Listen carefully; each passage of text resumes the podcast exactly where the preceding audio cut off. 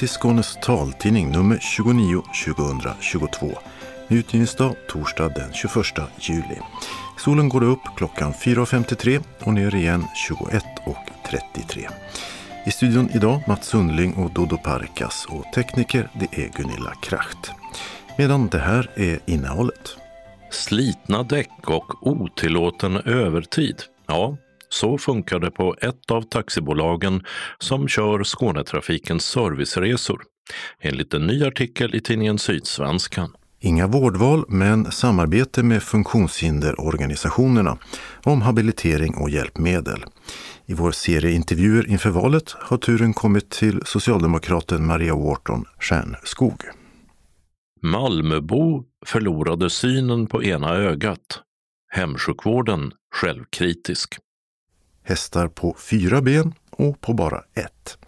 Veckans avsnitt i sommarserien Skånska förlustelser är Hästveda marknad. Prisbasbeloppet höjs rekordmycket. Pensioner och sjukförsäkring följer efter. Klassresor, frigörelse och människans plats i samhället. Och så en deckare som inte är en deckare. Månadens talbokstips kommer från biblioteket i Hör. Öppnat och stängt, så med webbhall och gårdshandlare. Så har vi en annons om syntolkad teater i Helsingborg och Malmö. Evenemangstips därpå med gatuteater och kvinnofestival. Och kalendern med samväldesspel och sjusovardag.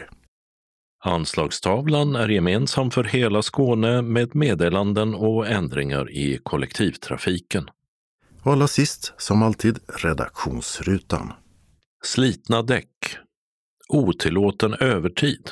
Ja, så fungerar det på ett av taxibolagen som kör Skånetrafikens serviceresor. Det rapporterar Sydsvenskan i en ny artikel om förhållandena på serviceresor. Det är den tredje artikeln om Skånetrafikens serviceresor på kort tid i Sydsvenskan. De tidigare handlade, som vi berättat, om chaufförer som var missnöjda med arbetsbelastningen och om narkotikabruk på arbetstid hos serviceresor i Hässleholm. Också den här gången har tidningen talat med tidigare och nuvarande anställda som vill vara anonyma. Taxibolaget har ett avtal med Skånetrafiken värt 60 miljoner kronor om året och sköter också trafik som underleverantör åt ett annat företag. Efter vårens upphandling får de förlängt från februari nästa år fram till 2027. Och det är ett kontrakt värt upp till 94 miljoner kronor om året. De anställda berättar för Sydsvenskan om däck som är så slitna att bilarna får vattenplaning och chaufförer som jobbar mer än 300 timmar i månaden. Bolaget fick en varning av Transportstyrelsen i juni efter en utredning som pekade på missförhållanden. Otillåtet mycket övertid för chaufförerna som sen inte får övertidsersättning eller lön efter avtal. Transportstyrelsen hittade också tveksamheter i bolagets bokföring. Men de bedömde inte att missförhållandena var så allvarliga att deras trafiktillstånd skulle återkallas. Än värre var det enligt Sydsvenskans uppgifter när taxibolaget anlitade en underleverantör. Förare berättar om 70 till 80 timmars körning i veckan för att få ihop en lön man klarar sig på. Underleverantören anlitade i sin tur två bemanningsföretag som inte var godkända av Skånetrafiken. Efter ett år genomförde Skånetrafiken en revision som ledde till att underleverantören stoppades. Och de tre bolagen gick sedan i konkurs. Skånetrafikens affärschef Katarina Molin säger till Sydsvenskan att de stoppade underleverantören efter att ha funnit brister i deras hantering av arbetsrättslagstiftningen. I Skånetrafikens avtal finns krav på att taxibolagen ska ha kollektivavtalsliknande villkor om lön, arbetstid och ledigheter. Om uppgifterna om slitna däck säger hon att alla bilar besiktigas två gånger om året och att Skånetrafiken tagit del av Transportstyrelsens beslut och har det med sig i uppföljningen av samarbetet med bolaget. Taltidningen har sökt Skånetrafiken för en intervju. Rapporterade Mats Sundling. I vår serie utfrågningar inför valet i höst har turen kommit till Socialdemokraterna som representeras av Maria Wharton Stjärnskog. Hon är andre vice ordförande i psykiatri, habiliterings och hjälpmedelsnämnden. Där en av frågorna under den gångna mandatperioden har varit hur personer med synnedsättning ska få utbildning på till exempel smarta telefoner. Och Marie Wharton Stjärnskog tycker att man kommit fram till en fungerande lösning. När det gäller till exempel utbildning av hjälpmedel för synskadade så träffade vi SRF för något år sedan i deras nya lokaler i Hör och diskuterade just hur vi ska kunna jobba gemensamt för att det här ska fungera bättre. Och vi fick positivt gensvar från förvaltningen som också tillsatte pengar. Sen tror jag att det har varit lite svårt att rekrytera personer som ska utbilda. Men tanken är ju väldigt god, att synpedagogerna är bra på sin del men att när det gäller själva handhavandet och den pedagogiken så finns det andra som är mycket bättre lämpade. Sådana samarbeten tror jag vi behöver mycket fler av i framtiden. Ja, för det har ju varit en diskussion under den här mandatperioden just om smarta telefoner då. Vems ansvar är det? Var ligger det? Ja, från regionens sida är vi väldigt positiva till att försöka hjälpas åt när det gäller sådana här ibland lite knepiga gränsdragningsfrågor. Finns det fler sådana knepiga frågor där man inte riktigt vet vem som har ansvaret? Det kan det säkert göra, men det är ju just var går gränsen för vad regionen ska göra och var går gränsen för vad föreningen själv kan bidra med. Eh, och sen tycker jag personligen då som har en bakgrund inom folkbildningen att vi ibland är dåliga på att använda oss av studieförbunden och folkhögskolorna när det gäller en del av den föreningsutveckling som också är väldigt viktig. Som gör att vi tillsammans vet vad vårt uppdrag är och hur vi ska jobba som bäst för att bli bra på det helt enkelt. Skulle man kunna tänka sig till exempel något vårdvalssystem vad gäller utbildning på hjälpmedel? Det är ju inte jag någon stark förespråkare för. Generellt är jag väldigt kritisk till vårdval överhuvudtaget. För vi ser ju där vi har vårdval så är det väldigt kostnadsdrivande och vi har inte så mycket insyn. I vår nämnd ligger ju enbart hörselvårdvalet och det fungerar väl ändå relativt bra men det kostar mycket pengar. Men eh, en del av de andra specialistvårdvalen där ser vi ju att det får eh, väldigt dåliga undanträngningseffekter. Inte minst på ögonsidan då där eh, snabba enkla ingrepp får högre volymer på bekostnad av de som har svårare synsjukdomar, ögonsjukdomar. Ja, det är ju långa köer till ögonsjukvården just nu. Vad ska man göra åt det då? Ja, dels så behöver vi ju bli en bättre arbetsgivare så vi kan rekrytera tillbaka ögonläkare och annan kompetens. En del av problemet tror ju jag faktiskt är vårdvalet. Det är väl jättebra att de som har starr, kataraktoperationerna, går väldigt snabbt att få tid till och finns många aktörer att välja bland. Men det är ju just på bekostnad av den mer komplicerade ögonsjukvården där eh, kedjorna slås sönder och vi tappar kompetens till de privata klinikerna som utför lättare ingrepp. Kan man locka tillbaka personalen, de som har vant sig vid att jobba kontorstid och sådär? Jag tror vi behöver ta ett helhetsgrepp. Vi har ju dels gjort ett handslag tillsammans med Kommunal som gäller just arbetsmiljön och vi har ju också initierat en eh, kommission för att förbättra villkoren för personal. Och jag tror enda sättet att kunna lösa det, det är inte att vi politiker sitter och pratar ihop oss om vad vi tror behövs, utan det är faktiskt att göra det tillsammans med de som jobbar i verksamheten. De är experterna på lösningarna. Om vi återgår till eh, hjälpmedel och rehabilitering. Det förekommer ju kritik mot att det är väldigt byråkratiskt där med hjälpmedel, att det tar lång tid innan man kan få nya och moderna hjälpmedel. Som du kanske känner till så har ju hjälpmedelsverksamheten hoppat lite fram och tillbaka förvaltningsmässigt och eh, ansvarsmässigt i Region Skåne. Men nu har vi ju äntligen fått tillbaka den verksamheten till oss och vi tror verkligen att det är vår nämnd som, som är experterna och som kan hantera de här frågorna. Och eh, då behöver vi ha minst en gång varje år där vi sätter oss ner och går igenom vilka riktlinjer, vilka strategier, hur vi ska tänka. För utvecklingen går ju väldigt, väldigt fort och då behöver vi se över både sortiment och regelverk, tänker jag. Men eh, upphandlingarna går ju definitivt inte lika fort som utvecklingen, den tekniska. Nej, upphandlingar tar tid och eh, om de blir överklagade så tar det ju ännu längre tid. Men det här är ju någonting som jag tror att vi precis har börjat prata om så det är klart att det får vi ju aktualisera under nästa mandatperiod. Vi har fortfarande lite famlande sådär tagit oss an den här verksamheten igen. Och vi behöver lyfta de frågorna mycket oftare. Och inte minst då när det gäller processer som tar lång tid. Ni är ju emot eh, vårdval i sjukvården men skulle vårdval i hjälpmedelsverksamheten kunna förbättra? Ja, som jag sa tidigare, jag, generellt är jag ju inte för vårdval.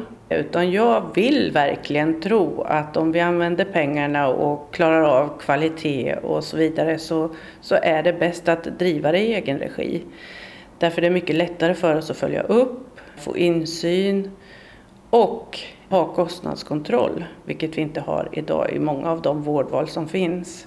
Jag tror också att det finns områden som absolut kan vara lämpade för vårdval, eh, om jag nu ska se positivt på det, och andra som kanske inte är riktigt lika lämpade. Vi har ju snarare tagit tillbaka i politisk enighet i vår nämnd vissa saker, till exempel reparation och service av hörapparater. Så då känns det lite märkligt att vi skulle gå i någon annan riktning utan jag vill ju se det som att vi tar tillbaka nu till vår egen verksamhet. Tittar vi på till exempel hörapparater så ser vi ju att det är väldigt fint det sortimentet som vi kan erbjuda i egen regi. Och att det snarare handlar om dålig information till eh, patienterna om vad det finns i vårt eget sortiment. Så utbildningsfrågan är viktig men också naturligtvis att vi blir bättre på att berätta om vad vi faktiskt har oavsett vilket hjälpmedel det gäller. Gäller det synhjälpmedel också, att det är dålig information om vad som finns när det gäller typ punktdisplayer, läskameror och så? Det kan det säkert vara. Sen är jag ju såklart som politiker lite nyfiken på hur det fungerar nu när vi har tagit över från eh, GSF, den gemensamma servicefunktionen, exempelvis hantering av glasögonbidrag. Alltså varje förändring måste ju vi veta att det landar rätt också. Så jag hoppas att vi kan få input ifrån eh, SRF, inte minst då, när det gäller eh, saker som kanske inte fungerar så där jättebra, oavsett vad det gäller inom hjälpmedelssidan. Häromveckan så gav ju regeringen Socialstyrelsen i uppdrag att undersöka om det behövs gemensamma riktlinjer för rehabilitering och hjälpmedel. Varför skulle sådana gemensamma landsomfattande riktlinjer behövas? Jag kan ju bara se i Skåne. Vi gjorde en kartläggning för, ja det var i slutet på förra mandatperioden, där eh, vi tillsammans med det som då hette Kommunförbundet Skåne försökte kartlägga och inventera hur hjälpmedel hanterades i regionen och i de skånska kommunerna. Och det ser inte likadant ut någonstans. Och det är väldigt svårt, framförallt när det gäller avgifter som ser minst lika olika ut, att försöka få till lösningar som ska vara mer homogena. Eh, vi får väl se vad den här utredningen kommer fram till. Det kanske inte blir någonting, men att kika på det tycker jag inte är fel. Sen såklart tycker jag att vården ska vara jämlik och det gäller ju även tillgången till hjälpmedel och att avgifterna ska vara så lika som möjligt. Så jag välkomnar utredningen och eh, väntar med positiv tillförsikt på vad den kommer fram till helt enkelt. Ska den som är gravt synskadad kunna räkna med att få färdtjänst? Absolut. Eh, jag vet att det har varit många turer under våren här. Jag begriper det inte riktigt och jag har förstått nu att både SRF och DHR och Eh, funktionsrätt Skåne lämnade Skånetrafikens arbetsgrupp. Och det är ju en markering tydlig om någon. Sen vet jag att det finns partier, bland annat mitt eget då, som eh, ändå har försökt att driva på i den här frågan. Och eh, åtminstone se till att regelverket pausas under den tiden man utreder hur, hur det här ska se ut framöver helt enkelt. Men eh, att plötsligen säga att du ska klara av att åka kollektivtrafik eh, utan att du kanske vet hur omgivningen ser ut, det är ju oacceptabelt. Men vad är färdtjänst? Är det en ersättning för buss och tåg bara eller är det någonting mera, ersättning för cykel, bil, promenader? Det är ju en definitionsfråga. Jag tror säkert att det finns olika tolkningar på det. Det kan väl vara en rimlig grundtanke att eh, kan jag åka kollektivt så ska jag göra det. Men det kan ju inte vara under oacceptabla former. Dessutom är det ju så att jag kanske behöver bli ledsagad eller få hjälp att hämta min stol eller vad det än kan gälla. Förflyttningar av olika slag helt enkelt. Och då anser jag att eh, färdtjänst är något mycket mer än bara en ersättning för buss eller tåg eller något annat fordon. När vi frågar Skånetrafiken så säger ju de att det förs dialoger med brukarorganisationerna inför, inför varje förändring som sker. Och vi har fått den förklaringen också i det funktionshinderrådet och i andra sammanhang. Men uppenbarligen finns det olika uppfattning om vad en dialog innebär eftersom nu tre stora organisationer har valt att lämna arbetsgruppen. Så eh, jag tänker att det där måste vi ta tag i med förnyad kraft och verkligen ha en dialog. Det är ju hela poängen med att ha eh, samarbete med brukarorganisationerna. Färdtjänst ska då alltså vara en ersättning för kollektivtrafiken enligt färdtjänstlagen så att säga. Men är kollektivtrafiken tillgänglig idag så man kan åka kollektivt om man skulle vilja det? Det står säkert någonstans att det är tillgängligt men eh, jag vet ju DHR till exempel har haft många synpunkter om du kommer med en rullstol eller en stol av något slag eller annat fordon att eh, det fungerar inte i praktiken. Och för personer med synnedsättning så är ju då biljettsystemet till exempel och utropen ett problem. Absolut. Och det är inte bara i Skånetrafiken eller färdtjänst eller, utan det gäller ju all vår teknik i Region Skåne, tyvärr måste jag säga. Eh, jag vet vi har haft många diskussioner på Funktionshinderrådet och i andra sammanhang om hur svårt det är för synskadade att till exempel kunna ta del av information på 1177 eller krav som ställs i det här nya upphandlade systemet som vi har betalat massor med pengar för i Region Skåne. Där det finns stora missar som gör att alla faktiskt inte kan ta del av det som står eller göra de uppgifter som krävs. Men hur vill ni se att det ska fungera då om, om ni kommer till makten? Till att börja med så tror jag att vi behöver prata mer om eh, habiliteringens område och ännu tätare dialog med funktionshinderorganisationerna, brukarorganisationer, patientorganisationer. Vi håller ju på nu och ska se över hur de här dialogerna ska se ut under nästa mandatperiod och det är bra för det har inte fungerat jättebra nu. Om vi ska ses, då ska alla känna att det, det är någon mening med det. Det är väl en sån viktig bit. Det andra jag skulle vilja säga det är ju att i vår stora förvaltning som det har blivit så har nog habiliteringsfrågorna och eh, alltså psykiatrin tar väldigt mycket utrymme av förklarliga skäl. Men vi behöver nog eh, spotta upp oss lite när det gäller de frågorna och inte minst då när det gäller hjälpmedelsdelen. Där behöver vi ha ännu mer dialog och se över vad som ska vara och inte och varför i så fall. Sen tänker jag att vi behöver mer forskning och utveckling även inom habiliteringens område. Vi har jättemycket fin eh, kompetens i vår förvaltning men det mesta rör psykiatrin. Region Skåne är ju en jättestor arbetsgivare, störst i Skåne. Vad gör ni, vad vill ni göra för att fler med funktionsnedsättningar ska kunna få jobb inom regionen? Vi hade under flera år ett projekt, Vägen in, där vi förband oss att eh, anställa ett visst antal personer varje år. Sen implementeras det där och skulle bli en del i det ordinarie så att säga.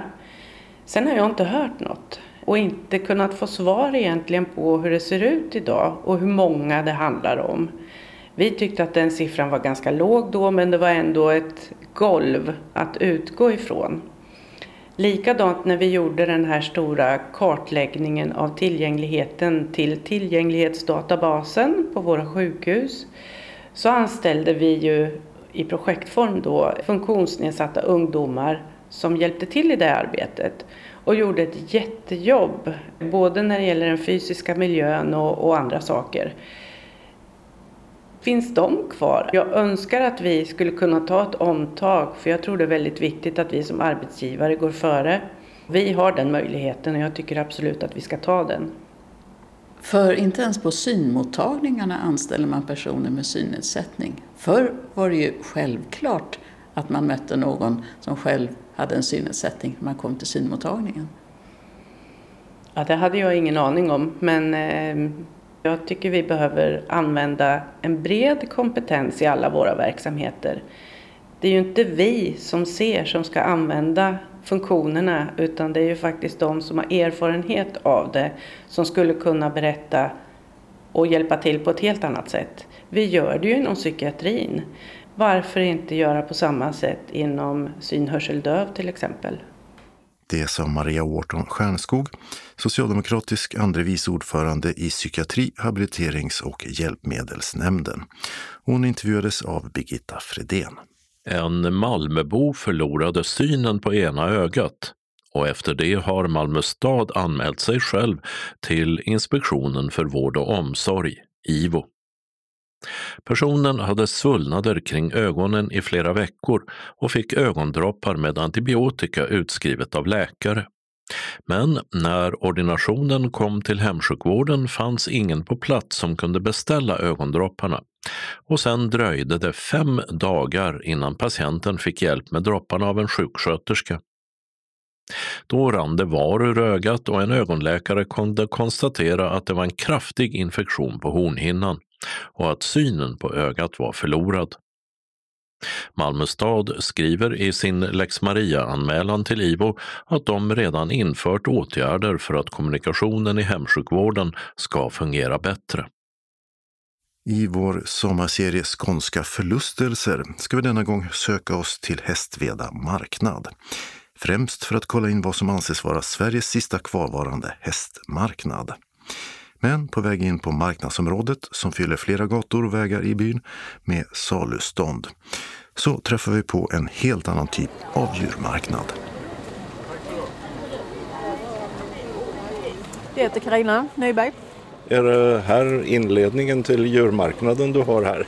Ja, man kan väl kalla det så. Jag kanske står lite på fel ställen med mina hästar, men ja.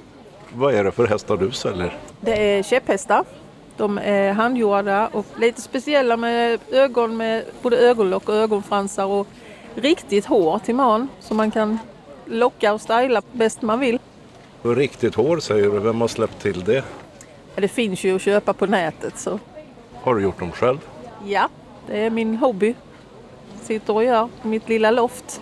Här finns uh, alla möjliga färger och typer. Vilken är din egen favorit? Här har vi en svart och vit, vit med svarta fläckar. Ögonen är lite blåaktiga med ögonfransar. Sen har den man som är både svart och vit den också. Är det en han eller en hon? Det får man själv välja. De är neutrala än så länge. Och är det barn eller är det vuxna som vill ha en sån här? Eh, det är väl mest barnen. De har blivit väldigt populära. Mer och mer så det finns både tävlingar och ridläger med käpphästar och allting så att det, det går mer och mer framåt det här. Vi lämnar käpphästarna och träffar Kim Olsen, ordförande för Hästveda marknadsråd och den som basar för marknaden. Och nu ska det handla om riktiga, levande hästar. Nu kan vi börja se hästarna här borta till höger. Det är både stora och små kan jag säga. Hur går det till rent konkret? Man tittar på hästen och betalar och går. Eh, jag har ju då varit med här i, i över 20 år. Jag har aldrig sett en hästaffär. Aldrig sett det. Så att jag vet inte. Om det är så att man gör så att man visar upp hästen och sen så byter man adress och sen så löser man det eller att man byter hästar här. Det förtäljer inte historien. Det sköter hästhandlarna själva. Förr var det ju så att eh, när det var lite, kanske inte riktigt ordentligt tillsyn så kunde det ju vara så att det var någon som kom, så hade de varit på marknaden och så hade de köpt en åsna och skulle dra hem. Eh, Det brukar inte bli bra om man säger så. Man kunde ganska eh, snart därefter höra eller läsa om det är någon som vill ha, ta hand om en åsna. Är det här sant eller är det Ja, en det är skröna? sant. Nej, det är sant. Det är sant på riktigt. Men, men, det, nu är det... Man säljer ju inte till berusade människor. Det var ju sån, här, lite vad ska vi kalla det för, lite fyllig grej. Alltså begreppet hästhandlare har ju varit kanske inte sådär jätteväl sett. Hur är det idag? Det vet jag inte. För, för vår del så är de en del utav eh, traditionen eh, med Hästöra marknad. En av de få hästmarknaderna i landet. Det är ingen auktion eller något sånt? eller? Ingenting sånt. Utan hästarna står här, hästhandlarna står längre bort och pratar och sen eh, ser man ett djur som man, man tänker det kan jag tänka mig jag vill ha så får man leta reda på hästhandlarna och så, så eh, kör man hem till hästhandlaren. Jaha, vänta, leta reda på hästhandlaren. Vi vet alltså inte... Jo då, de är där borta. De står där borta i klungan där borta. Ja, men hästarna står för sig själva. Ja, hästarna står för sig själva och sen är det ju mycket publik som, eh, som går och eh, tittar. Hej, får en journalist störa? Ja, Vad heter du? Susanne. Och du står här och klappar på en fin brun häst. Ja, den var fin. Är du spekulant? Nej, jag har hästar hemma så att det får räcka med dem. Men du kommer ändå hit och kollar. Ja, det måste man göra. Varför det? Jag har köpt häst här en gång så att man vet ju inte. Kan man lita på handlarna? Nej, jag vet inte. Det, det är ju en liten chansning man får ta. Man får själv bedöma hur de är i hull och allting. Så att, och den här verkar ju trevlig, den här hästen. De är väldigt lugna. Ja, den är lugn och... Ja, hade jag haft pengar så... Hur mycket pengar behövs det tror du? Ja, jag vet inte vad de ska ta. 20, kanske 25, 30. Vad heter det där vita på, här framme på Ja, huvudet? det är en bläs. Ja, just det. Den är lite bredare så blir den lykta. Men de hästar du har, vad har du Ja, dem det är till? travare. De har tävlat, några av dem. Och Och vad är det jag här? vet inte om det är någon norrsvensk blandning. Vad heter du? Rebecka. Och eh, vad säger du om hästen här? Ja, den är jättefin. Men du är inte spekulant? Nej. Ja, hon tittar mer på höns idag. Här har vi en hästhandlare. Hej hästhandlaren! Hej! Jag är ju mest hjälpredan här va, så de, men de pekade ju på mig allihopa så det var ju jag som fick ställa upp här ju. Vad heter du? Marie Pettersson. Hjälpreda, vad betyder det? Jag har hand om hästarna i eh, stall och skötsel och sådana här pysselgrejer. Och. Men när det gäller eh, säljandet, hur går det till? Ja, de kommer och är intresserade av en häst och så pratar vi och de tittar och bestämmer sig. En del direkt och en del vill vänta lite och fundera och så eh, antingen ringer de och återkommer och hämtar dem. Men eh, om jag skulle fundera på, ja vi säger nummer tre här borta, den vita, vad skulle jag göra då? Ja, du frågar ju lite om vad du är ålder och om den har pass för det är ju, det är ju en grej som alla måste ha idag i dagsläget så att säga. Och sen så är det ju då lite man eh, antingen springer lite med den så du får se hur den rör sig och så här och sen så får du liksom själv bestämma om du är intresserad eller du vill fundera eller lite så.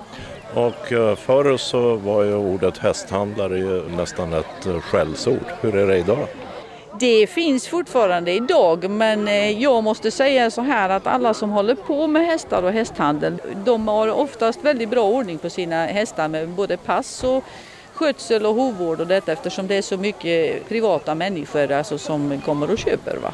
Så jag måste säga att allting har förbättrats mycket, mycket mot vad det var förr. Då kan jag kanske hålla med på att det var mer ett skällsord. Och eh, om du ser dig omkring här, det, mm, folk går och klappar på hästarna och kollar och sådär. Men hur många är det som är seriöst intresserade och hur många är det som bara är ute för att det är fina djur? Jag får ju säga att det har varit rätt så bra respons här eh, den tiden jag har hunnit vara här idag. Så har vi faktiskt eh, fått sålt några stycken. Så att det, jag får ju säga att det är väldigt bra men det är svårt att säga. Många tycker det är intressant och roligt att gå och se massa olika hästar och detta och kanske är hästintresserade men inte kan ha hästar själv eller?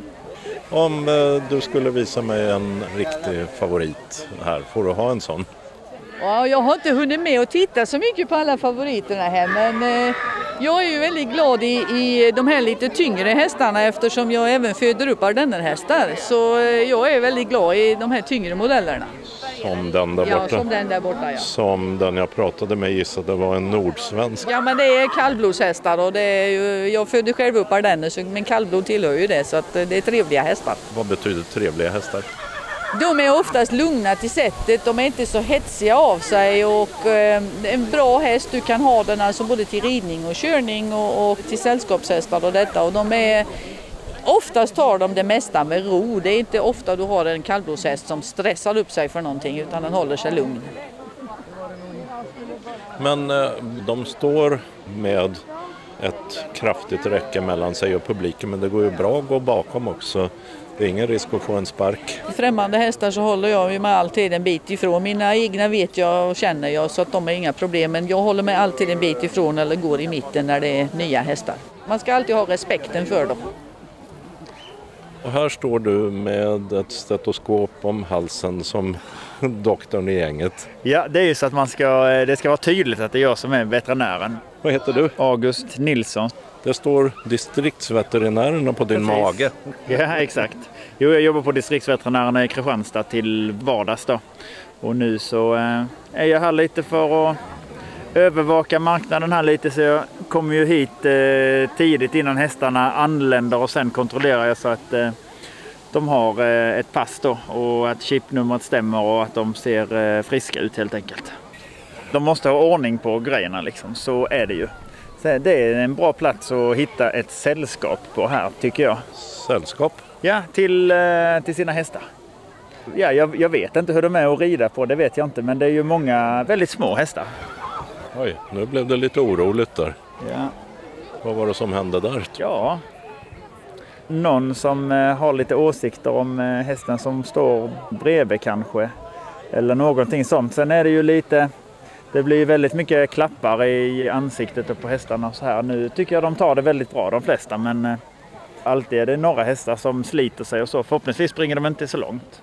Den där blir bortledd. Ja. Jaha, den får en ny plats kanske. Man får komma ihåg det att eh, hästar är flyktdjur. Men eh, där borta, den vita med stora öron, det är väl ingen häst? Exakt, här finns tre stycken åsnor också. Men det kan vara ett bra sällskap eh, det också. De brukar vara ganska lugna. Så att en åsna i flocken, det kan skapa lugn. Kollar du dem också? Ja, ja de är ju, eh, de går ju som, eh, som hästdjur så att de ska ha pass och chip och alltihopa de också. Hästmarknaden, eller djurmarknaden egentligen, för här finns till exempel ankor och höns också. Det är bara en del av Hästveda marknad. Kim Olsen fortsätter visa runt. Tivolit, det har inte öppnat denna gråmulna förmiddag och tar ordentlig plats på området. Men försäljningsstånden är i full gång. Kramdjur med och utan egna läten. Och kläder, LP-skivor och DVD-filmer för att nämna något. Och så lokalt producerade matvaror. Lisa här är eh, väldigt lokal. Har en gård precis utanför för byn. Och vi har flera exempel på där vi har entreprenörer som kommer utifrån runt byn. Skånes taltidning som riktar sig till synskadade. Vad är det du säljer? Eh, Jag säljer senap, honung och choklad. Igår sålde jag bröd men det sålde jag slut på. Och du har inte hunnit baka nytt på natten? Eh, Nej, jag kom ju hem mitt i natten så det är ju lite svårt. Är det så att eh, folk vill ha det för att det är lokalt eller vill de ha det för att de vet vem du är? Eller? Alltså, det är många, jag träffar ju många nya kunder här och då kan jag berätta om vår gårdsbutik som ligger precis söder om byn. ju. De som vet vilka vi är, de hittar oftast butiken. Men annars så handlar de här. De som inte har bil till exempel, de tar sig lättare hit än eh, hem till oss. Chokladkräm står det. Chilisenap, whiskysenap. Var har du honungen? Där borta. Just det. Flytande och fast. Och kryddad. Ja, vill du smaka? Om det inte är chili för det tål jag inte. Nej, det är chili i så det Ja. tål du inte. Men vi har whiskysenap, tycker du om det tror Det är ingen chili i den. Så, den är grovkornig. Smakar jul. Så är det. Den var jättegod. Den är lite rolig för att vi har ju tagit fram den i samarbete med Tyrkarpsgrottan. Så den lagras en månad i Tyrkarpsgrottan först innan vi tappar den på burk. De har whiskyprovningar så då har de hjälpt oss att ta fram rätt whisky till senapen. Och det är också, nu är det inte sådär jättenära men det är ju fortfarande inom Hässleholms kommun. Vi har många entreprenörer och mycket samarbete runt om. Om eh, jag ber dig ta mig till eh, något ställe här som ligger dig extra varmt om hjärtat. Ja, det är ju så här att det som ligger med extra varmt med hjärtat finns egentligen inte kvar här. Och det är lotterierna från föreningarna men det blir allt svårare att få folk till att ställa upp ideellt. Så att eh, föreningarna har faktiskt fått prioritera bort sina lotterier för att vi ska ha folk på våra parkeringar. Eh, så det är ju jättesynd. För det är ju lite, just när det gäller lotterierna kan ju alla vara med. Även småbarnen kan ju vara med och stå och sälja lotter. Småbarnen kan ju inte vara med på parkeringarna. Där måste de ju vara minst i alla fall 15-16 år.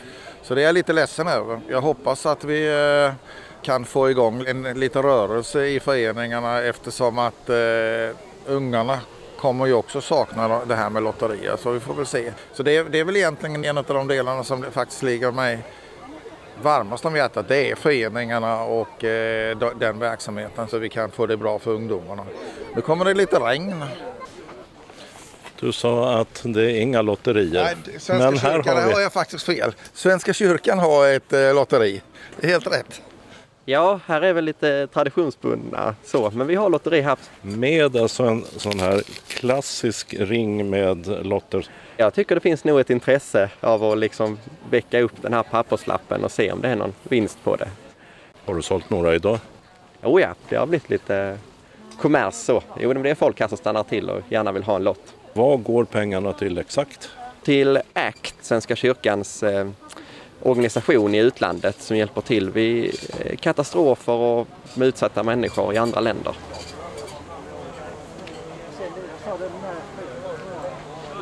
Är du nöjd så här långt? Det får jag väl absolut vara tycker jag.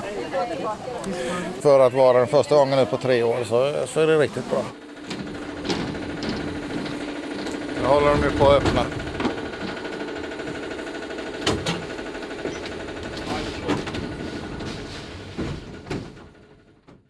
Och det som öppnade här till slut på Hästveda marknad var tivolit. Reporter bland pollar och marknadsstånd var Dodo Parikas. Prisbasbeloppet höjs rekordmycket för nästa år och pensioner och studiemedel följer efter. Priserna på bland annat mat och energi går som bekant upp kraftigt och inflationen gör att Statistiska centralbyrån SCB nu höjt beloppet från årets 48 300 kronor till 52 500 för 2023. Det är den största höjningen på 40 år, men inflationen kommer att kännas ändå, säger en bankekonom till TT. Höjningen gör att också taket i sjuk och föräldraförsäkringen höjs till som mest 1116 kronor per dag. Den som har garantipension får den höjd med upp till 850 kronor från januari och studenter får ungefär 1000 kronor mer i lån och bidrag från CSN i månaden. Allt enligt beräkningar som Swedbank gjort. Hur resultatet blir nästa år kan påverkas av politiska beslut i till exempel höstbudgeten. Barnbidrag. Underhållsstöd och bostadstillägg påverkas inte av höjningen av prisbasbeloppet. För det krävs andra beslut av riksdag och regering. Så ska vi till biblioteket i Hör, en ort som också med besked och kanske i Fritjof Nilsson Piratens anda figurerar i ett av juli månads talbokstips. Det blir flera böcker om människans plats i samhället och hur man gör eller försöker göra en klassresa. Och så en deckare som inte är en deckare. Ordet går till Inga-Lena Örn. Ja, vad ska vi hitta på idag? Jo, jag har läst lite olika sorters böcker den här gången. Och en bok som jag tyckte väldigt mycket om det var Edward Louise, En kvinnas frigörelse. Den är bara på en timme och 39 minuter. Och det är en talbok med text inläst av Örjan Blix. Även om det är en väldigt kort liten bok så är liksom innehållet mycket större om man säger så. Och författaren tecknar ett fascinerande porträtt av sin mamma. Hon hamnade tidigt i livet i fattigdom och våld från de män hon levde med. Och ett liv som skulle blivit så bra blev tidigt för barn med en man som var våldsam och alkoholiserad. Hon lyckades faktiskt lämna honom men eh, blev mer eller mindre tvingad in i nästa äktenskap med en make som inte var ett dugg bättre och eh, dessutom ytterligare tre barn. Så fattigdom och ett ganska eländigt liv gjorde att författaren skämdes väldigt mycket för henne. Och det var på något sätt deras gemensamma skam för det livet som de levde. Och det här är ju inte så länge sedan, det är nutid. Men vid 45 års ålder ungefär så lyckas hon att frigöra sig. Och författaren och modern får tillbaks lite av den här mor-son-relationen igen som de har varit av med i många år. Mycket, mycket innehållsrik bok om en kvinnas frigörelse helt enkelt. Louis har ju skrivit om eh, sin uppväxt ur sitt perspektiv och ur sin fars perspektiv och att eh, leva som homosexuell i den här lilla byn och hans klassresa. Har du läst något av dem? Jag har inte gjort det än, men jag ska läsa dem. Men när jag hade läst den här så var allting annat utlånat. Men jag kände att jag måste läsa dem. Fantastisk berättare! Och sen fortsätter du med en annan familjehistoria som utspelar sig i eh, Sverige. Ja, Jesper Larsson, Den dagen, den sorgen. Det är inte heller någon sådär väldigt tjock bok. Fyra timmar och 45 minuter. Och det är en talbok med text och Dan Bratt har läst in den. Berättarjaget som man egentligen får följa under hela boken han lever ensam med sin 13-åriga dotter. Hustrun, mamman då, har eh, avlidit några år tidigare. Det är lite oklart hur länge hon har varit borta. Men det är i alla fall bara mannen och dottern som lever i det här huset och de har det ganska bra i den här lilla staden. Men rätt så fort in i boken så inser man att eh, dottern håller på att glida ifrån pappan berättarjaget ska vi säga, för det här är inte självbiografiskt. Och eh, har man barn så känner man igen den där känslan helt enkelt, för det ska ju vara så. När man är 13 så ska man liksom börja och sätta lite plats mellan sig själv och föräldrarna. Men han klarar dåligt av det här. Hon ska börja i en ny skola då, i den finare delen av staden. De bor inte i den finare delen av staden. Och han känner starkt att hon skäms för honom. Och han börjar också misstänka att hon inte är riktigt sanningsenlig när han frågar var hon har varit eller vilken kompis hon ska sova över hos eller vad hon har sysslat med.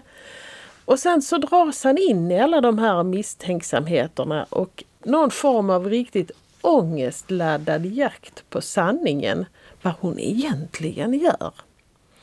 Och under allt det här så bottnar den här skammen över att han inte är tillräckligt fin på något sätt. Han är bara en snickare med stora händer. Och den här boken den har ett sånt febrigt driv så den är svår att lägga ifrån sig. Det är nästan ingen dialog överhuvudtaget utan det är hans berättelse. Och till viss del så hade han ju rätt i sina eh, farhågor om vad dottern sysslade med. Men eh, det är bara en mycket, mycket orolig förälders tankar och eh, upplevelser och handlingar. När han inte längre kan sova för att han inte vet var hon är någonstans. När han börjar faktiskt kolla hennes mobil. Det är hans tankar och det är hans gärningar som driver alltihopa. Och precis som i Louise så är det alltså en fråga om klass igen då, var man hör hemma. Absolut är det det. På många sätt så eh, har de paralleller de här böckerna fast de är inte alls lika. Det är mycket det här med skam och klass och eh, klasskillnad. Känslan av att inte riktigt duga. Och klassfrågan är ju jätteviktig även för nästa författare. Det är bland annat det han har ägnat en hel del av sitt liv och sina skriverier åt. Göran Greider. Han är en favorit. Jag har läst Barndomsbrunnen som är på fem timmar. Så det är också en ganska kort bok faktiskt. Talbok med text och det är Hans Sandqvist som har läst in den. Våren 2020 så hade Greider en lång, långvarig hosta som han trodde var covid-19. Så att han brydde sig inte så mycket. Men det visade sig att det var lungproblem. Och sen under våren så tilltog den här sjukdomen och han utreddes ganska länge för lungcancer. Men så strax innan årsskiftet 21 så diagnostiseras det som blodcancer. Och under 2021 gick han under cellgiftsbehandling. Och det här är en bok med texter som har kommit till under den här tiden. Och en skulle kunna säga att det är lyrik men han väljer själv att kalla det för en berättelse om sjukdom och barndom om en i brutna rader. Så det är en del lyrik och sen är det en del prosastycke. Och det är lite blandat och jag hoppas att det är möjligt att lyssna på på ett bra sätt. Men jag tycker att väldigt, väldigt få människor har den där speciella gåvan att få orden att hamna i rätt ordning. Så att det blir som en akvarell. Och en akvarell som är engagerande, tydlig. I alla fall för mig är det så. Han eh, gör dykningar ner i barndomsbrunnen och i sjukdomsbrunnen och det är vackert. Akvarell, det är ju flytande gränser, överlappande färger, eh, saker som inte är riktigt tydliga. Det beror lite på vilken akvarell vi pratar om. Men akvareller är för mig ofta väldigt vackra. Ja, den, är, den är mycket, mycket läsvärd. Alltså nu ser jag att det här är ju också klass nästa bok. Ja. Väldigt mycket så. ja, det är det ju på sitt sätt absolut. Maria Maunsbach, Lucky Lada och jag. Den är på 15 timmar och 23 minuter så här pratar vi en betydligt tjockare bok. Finns som talbok med text och det är Therese Stenshäll som läser. Och Maria hon hade sitt första offentliga bokprat om den här boken här på biblioteket i Hör vi är så glada för att det blev precis just här. Och det tror jag faktiskt också att Maria var. För sällan har väl en bok handlat så mycket om Hör, eller helt enkelt egentligen en liten obetydlig ort i Mellanskåne, men allting är Hör. Och hon började sitt bokprat som var väldigt välbesökt. Hon började genom att visa en kopia av en Skånska Dagbladet sida för några år sedan då. Som handlar om sommarboken på Hörs bibliotek. Och en av flickorna på bilden där det var just Maria. Och hon var också intervjuad i texten. Den här kan jag nog bara använda i hör, börjar hon med. Och sen hade hon ju alla i sin hand. Och jag får säga lite om det här omslaget på boken, för det är i bjärt rött och rosa som bakgrund och Lucky Lördag står med sådana här glittrande bokstäver och jag med klart gula och runt omkring så finns tecknade bilder av hönsfötter och ålar och korv med bröd och bävrar med elgitarr och hörs kommunvapen. Och även om man har svårt för att tro det så har alla dessa teckningar en berättelse att förtälja i boken. Huvudpersonen är Freja Morgonstjärna. Hon är en ung författarinna som har skrivit några böcker innan men nu vill hon skriva något annat. Och hon har någon idé om att skriva en sorts parafras på Bombi Bitt och jag av Fritiof Nilsson Piraten. Och vad passar då bättre än en roman om Hör, hennes hemby? För att få inspiration till den här romanen så bestämmer hon sig för att gå på hemvändardisco på Lucky Lada i Hör på juldagen. Hon tillbringar juldagen hos sin mamma och försöker hitta kompisar från förr då när de gick på Lucky Lada, när de var betydligt yngre än vad de är nu. Och hon betar av en efter en och alla har de någonting annat för sig. Det är trots allt samma dag och det är juldagen. Men under tiden som hon betar av de här så får vi vara med när hon kommer ihåg hur hon mötte de här kompisarna en gång i tiden och vad de hade för sig under barndomsåren. Och hennes mamma bidrar också med en hel del burleska historier som liksom bara dimper ner under den här dagen som, som boken utspelar sig. Hela den här boken den är så fnissig och så rolig och får inte säga vansinnigt kul emellanåt. Men det är också ganska mörkt emellanåt. Det är trots allt en flickas uppväxt i Hör och, och hon har inte haft det helt lätt, Freja Morgonstjärna. En hel del i den här boken är självupplevt, men inte allt. Och det är nog lite kryddat också. Och det är en fantastisk läsupplevelse. Jag rekommenderar den till alla. Bra gjort Maria, den, den satte du verkligen. Har du kollat eh, om inläsningen är gjord på skånska? Tyvärr får jag säga att talboken är inläst på rikssvenska. Vill man höra Maria läsa den själv så får man gå till den vanliga ljudboken. Och så slutar du med, det brukar pratas om deckardrottningar och eh, kanske färre deckarkungar, men här kommer en. Här kommer definitivt en. Även om han själv brukar säga att han skriver egentligen romaner om brott. Håkan Nesser naturligtvis. Jag hade ju sån tur att han hann komma ut med en bok så här innan, innan det var min tur att tipsa.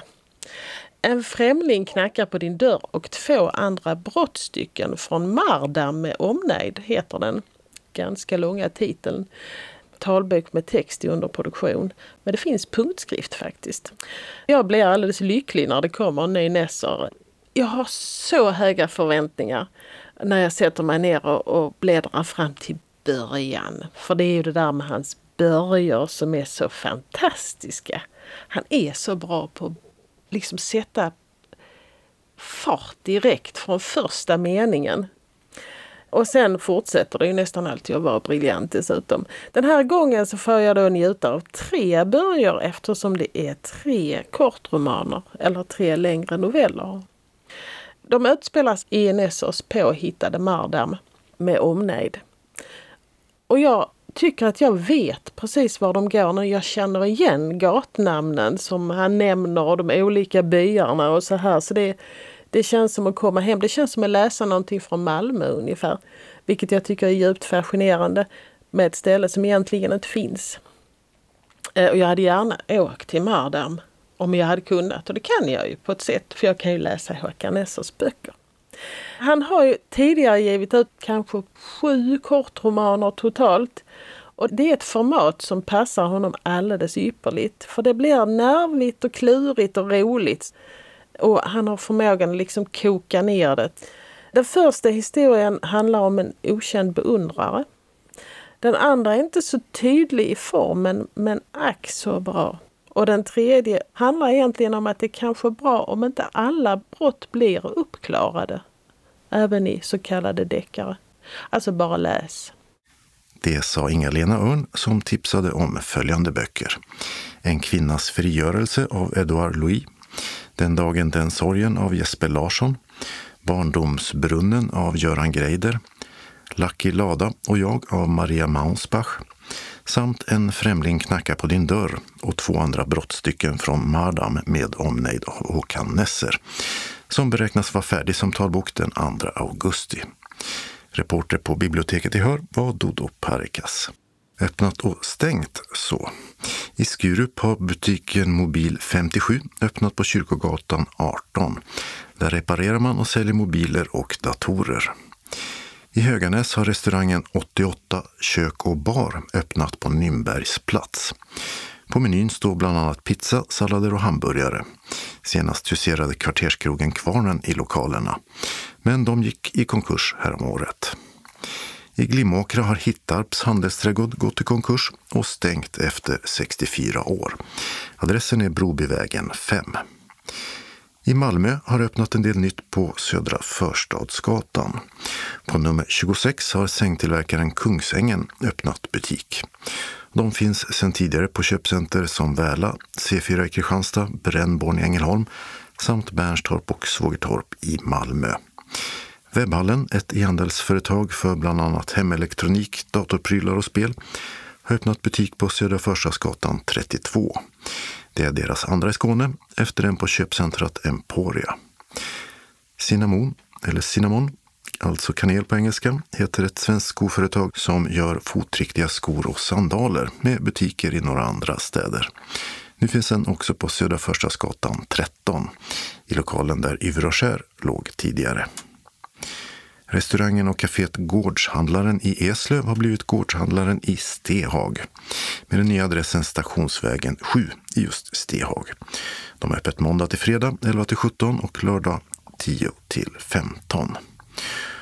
Och Gårdshandlarens gamla lokal vid stationen i Eslöv är istället en asiatisk restaurang på väg att öppna med sushi och koreanskt på menyn från den 5 augusti har de sagt. Adressen blir då alltså Storgatan 18 så har vi en annons om syntolkad teater i Helsingborg och Malmö. Välkomna till en musikalisk familjeföreställning i Helsingborg och Malmö. Onsdagen den 27 juli klockan 15 samt fredagen den 29 juli klockan 11 spelar Teater 23 När Harry mötte Iggy i Helsingborg som en del av gatuteaterfestivalen Passage. På onsdagen spelar vi på Fredriksdal, Lägervägen 15 och på fredagen på Dunkers kulturhus vid trapporna mot sundet på Kungsgatan 11. Torsdagen den 28 juli klockan 13 samt klockan 15 spelar vi utanför Malmö stadsbiblioteks entré på Kung Oscars väg 11. Föreställningen pågår i cirka 45 minuter. Kom senast en kvart innan föreställningen börjar så att du hinner få syntolkningsutrustningen samt lyssna på introduktionen. Introduktionen går även att lyssna på samt läsa på Teater 23s hemsida teater23.se. Fråga teknikern på plats om utrustningen. Evenemangen är gratis men du får gärna skicka iväg ett mejl till syntolkning teater23.se där du anmäler hur många ni är som vill ha syntolkning och till vilket tillfälle ni kommer. Om föreställningen. Haren Harry och igelkotten Iggy är två bästisar som håller ihop i vått och torrt. En dag börjar Iggy att smussla med något i buskarna och Harry blir allt mer nyfiken på vad det är som är så hemligt. Evenemangstips på Kristinehovs slott pågår en kvinnofestival med föreläsningar och musik. Nu på lördag 23 juli 11.00 till 11.45 föreläser journalisten och författaren Karin Thunberg under rubriken När livet sviktar om trygghetspunkterna kärlek, vänskap och arbete. Och mellan 13 och 13.45 talar författaren Maria Maunsbach om sin bok Lucky Lada och jag som är med i juli månads talbokstips här i taltidningen.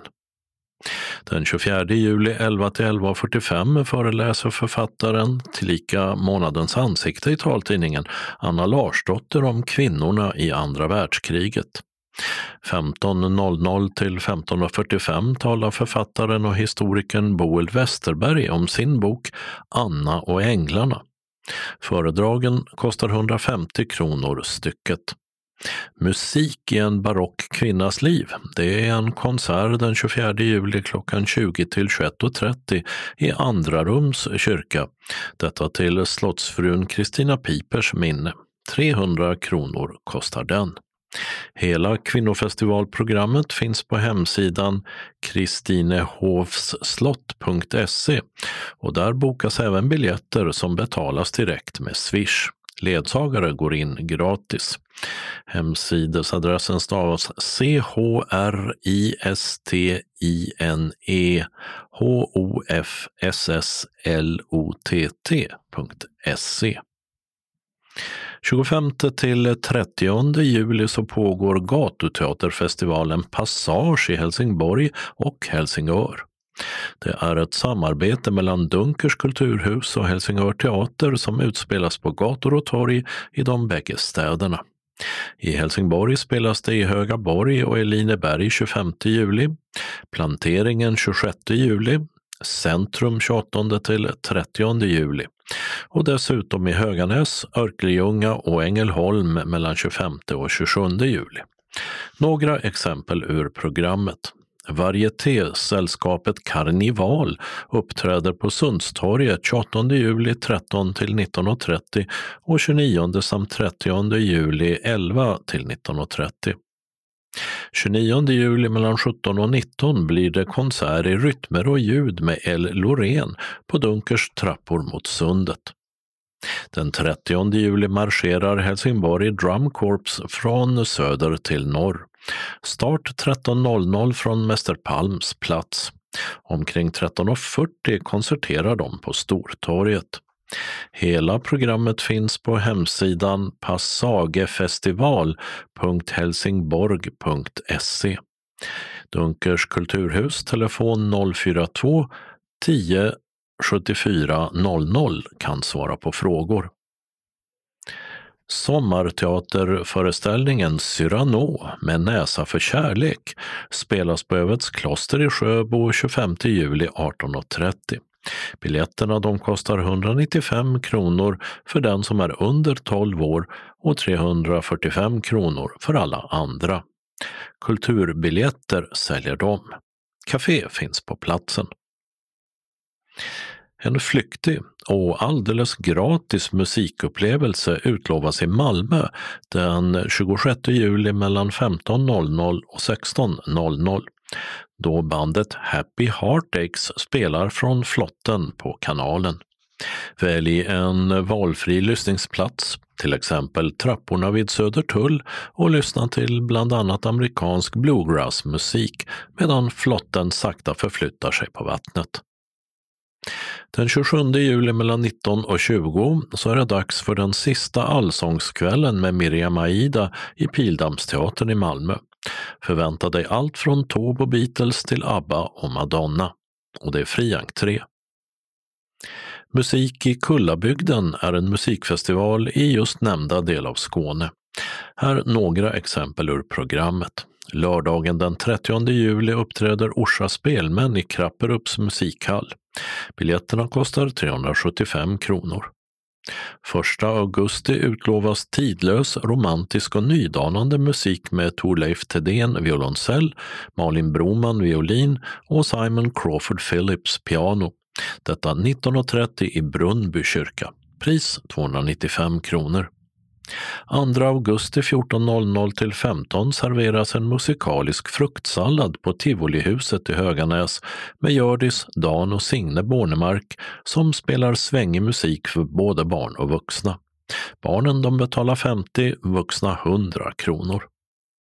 Och 19.00 på samma Tivolihus så uppträder Solalal live för 295 kronor. Festivalen avslutas på Krapperups musikhall 6 augusti 1930 med en förtrollad afton med Helsingborgs symfoniorkester. 375 kronor kostar den förtrollningen. Ticketmaster säljer biljetter och biljettpriserna kan avvika från ovanstående. Hörs Möllas trädgård med adress Kvarngatan 2 i Hör är platsen för en konsert med Hörblåset den 31 juli mellan 15 och 17. Våfflor och fika kan inhandlas.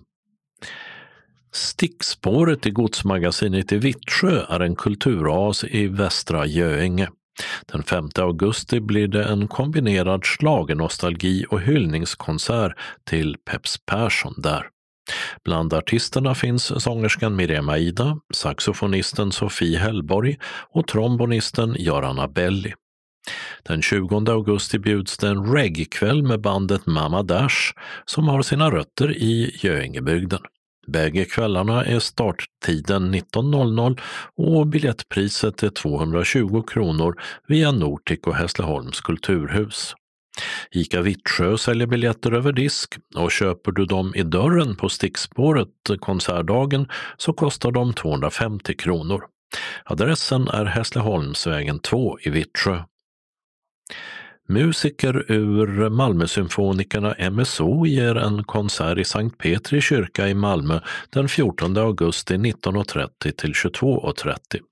Det blir dels en stråkdel, dels en blåsdel och det spelas verk av Grieg, Mozart, Sibelius och de Frumeri med flera. Och det är fri entré. Biljettinformation Nortic telefon 0455 61 97 00. Ticketmaster 077 170 70 70. Hässleholms kulturhus 0451 26 66 70 och kulturbiljetter 08 50 25 40 80. Kalendern för vecka 30 den tar sin början måndagen den 25 juli då Jakob har namnsdag. Friidrotts-VM i USA är över, men mer vardaglig idrott drar igång i Uppsala med O-ringen som startar denna dag. Och den orienteringstävlingen håller på till och med lördag. Tisdag 26 juli har Jesper och Jasmin namnsdag.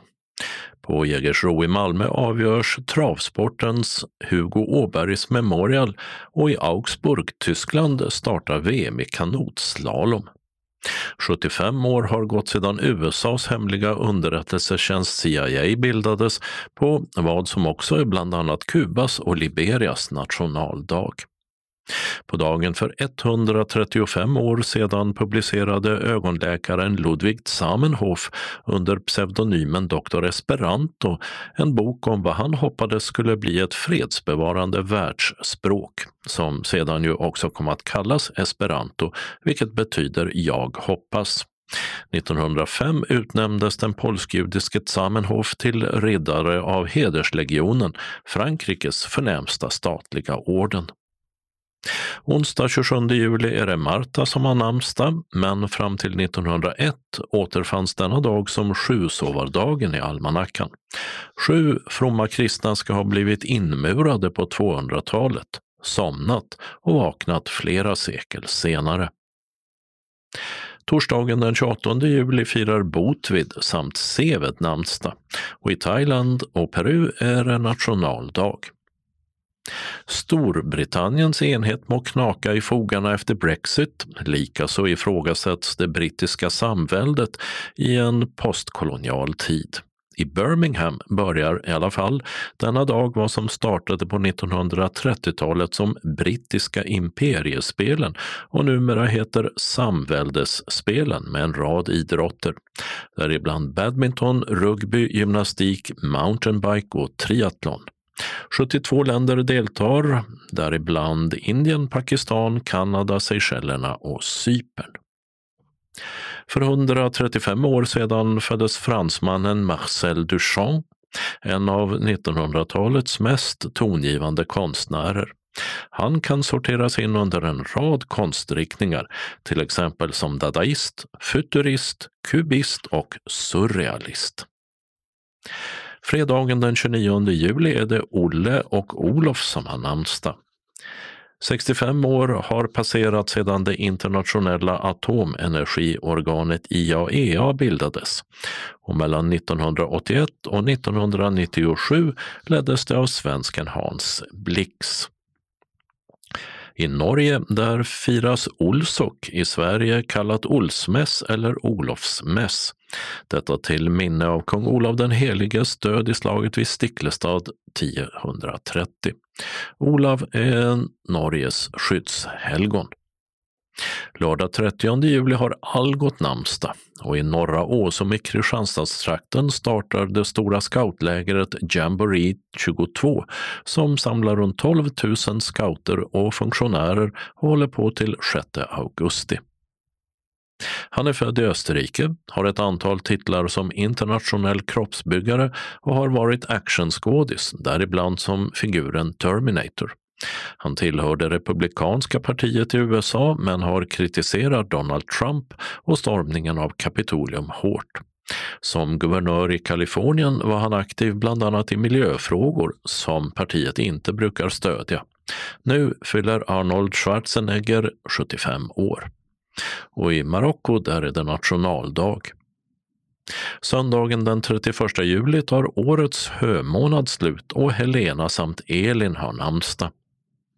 Inte långt eh, från Stockholms centralstation står en stor skulptur av seriefiguren Fantomen, alias Dragos, eller den vandrande vålnaden. Här på språng i Mr Walkers civila hatt och rutiga långrock. Verket heter Vem är Mr Walker? och dess upphovsman, konstnären Jan Hovström, blir denna dag 85 år. Lika mycket fyller Centerns före detta partiledare Olof Johansson med en rad tidigare ministerportföljer i bagaget, bland annat som miljöminister. Och så har 95 år gått sedan damer för första gången fick delta i friidrotts-SM. Anslagstavlan idag gemensam för hela Skåne och den är kort. En lokal inbjudan, ett referat och en ändring i busstrafiken. Först har SRF Ängelholm Båstad ett meddelande om kommande aktiviteter. Först och mest en inbjudan till en bussresa till Carl von Linnés trädgård i Småland tisdag den 23 augusti i samverkan med SRF Bjuvklippan Åstorp. Anslutning till Kvidinge ingår. Det blir avresa klockan 7.30 från torgträffen på Gasverksgatan 25 i Ängelholm och vi är åter i Ängelholm klockan 19. Vi börjar med kaffe och smörgås i Carl von Linnés födelsehem Råshult, Södre Gård. Därefter en guidad visning runt kulturreservatet. Carl von Linné i egen hög person guidar oss genom trädgårdarna och Linnéstugan. Och sen vandrar vi med honom ut i ängslandskapet. Härifrån beger vi oss till Husebybruk där vi intar lunch i det rustika Gamla stallets restaurang. Vi får även en guidad visning innan vi styr bussen mot Markaryd och Gräddhyllans landcafé där vi fikar med vetebulle och hembakad kaka. Resan kostar 400 kronor per person. Ledsagare betalar samma pris och förväntas hjälpa två av våra medlemmar i Ängelholm. Behöver du ledsagare men inte har någon egen anmäler du det när du bokar, liksom eventuell specialkost. Anmälan är bindande och görs till aktivitetsansvarig Liss Malmborg på telefon 0702 42 60 74 eller via e-post till liss stavat lizz.malmborg gmail.com. Sista dag för anmälan och betalning är den 7 augusti klockan 12. Betalning ska ske till bankgiro 5972-8915 eller via swish 123 130 72 14. Sen några aktiviteter längre fram. Det kommer inbjudningar till dem när vi haft lite ledigt, men ni kan ju öronmärka datumen i kalendern redan nu. Den 31 augusti blir det öppet hus dit ingen anmälan krävs. Den 22 september ska vi på torskfiske. Dit kommer inbjudan till alla SRF-medlemmar i Skåne. Den 28 september har vi medlemsträff med besök från Polarprint som ska visa oss hjälpmedel. Och vi får också besök av SRF Skånes valberedning. Vidare kan vi avslöja att i oktober blir det vinprovning vid Kullaberg den 8 oktober. I november blir det gåsmiddag i Ängelholm den 13 november och sist men inte minst blir det Luciafest den 13 december. Styrelsen önskar alla medlemmar en skön och avkopplande sommar, så ses och hörs vi i augusti månad. Så ett referat om en resa. Morgonstund har guld i mun och i detta fallet var guldet SRFs härliga resa till Stockholm med kultur och natur. Visst svider i ögonen klockan 06.00, men en sån belöning vi fick. Några 40 glada och hungriga togs ombord på bussen för trygg transport av den lugna och säkra Urban. Skåne avverkades lätt och utmynnade i långrast i Jönköping med trerätters lunch och sen museet John Bauer med mycket taktilt att krama och uppleva. Där fanns till och med taxar i sin bästa form, nämligen uppstoppade, som kunde smekas utan att bli biten. Och därefter ett långt pass fram till delikata trerättersmiddagen på Almåsa. Efter matsmältning och sömn och frivilligt morgonbad tog Urban oss till kungliga huvudstaden och kultur som för hälften blev Vasa och ABBA-museerna och andra moderna och nationalmuseerna. På båda de senare kunniga guider. På Moderna, efter färgrik inledning, en genomgripande analys och målande förklaring av Salvador Dalis stora tavla L'Enigme du Guillaume Tell. Svårt att syntolka surrealistiska bilder som ju kan se ut hur som helst, men hon gjorde det utmärkt. Efter picknick i solen släntrade vi över Träbron, Skeppsholmsbron, till det nyrenoverade Nationalmuseets vackra salar. Där blev det rundvandring i tre våningar och dito sekel. Till och med jättehissen av Erik Wikerstål i flätad oxiderad mässing väcker förundran. Ombyggnaden färdig 2018 ritades av Gert Wingård, känd från tv. Efter all kultur smakade det fint med grillmiddag på kvällen. Och på lördagen hade vi en härlig slappedag i och vid havet och Helena Frank undervisade oss om syntolkning. Tipsrunda blev det också förstås och därefter god lördagmiddag. Biljard för de som ville. Bastu och pool kunde vi även välja. Det kunde man fortsätta med på söndag förmiddag innan lunch och hemresa som genomfördes i lugnt tempo med middag på Brahehus. Efter bussbytet i sjuan kunde vi packa upp hemma, lyckliga och glada. Tack Maj-Britt Ryman och Mikael Wengren och alla andra som hjälpte till på denna genomtrevliga långhelg. Hälsar Ingrid och Lars. Så till sist en liten ändring i kollektivtrafiken. I Malmö har en del av arbetet på rondellen mellan Videdalsvägen och Hohögsgatan, som vi berättat om tidigare, blivit försenat. Så hållplatserna Dalvik, Videdal och Hallstorpsparken, som stadsbuss 6, 31 och 84 brukar stanna vid, fortsätter vara stängda med hållplatserna Ulrisedal, Granbacken och Ellenborgsvägen som alternativ. Nu sägs arbetet vara klart först den 30 september klockan 15. Och med det beskedet var det dags att sätta punkt för veckans Skånes taltidning.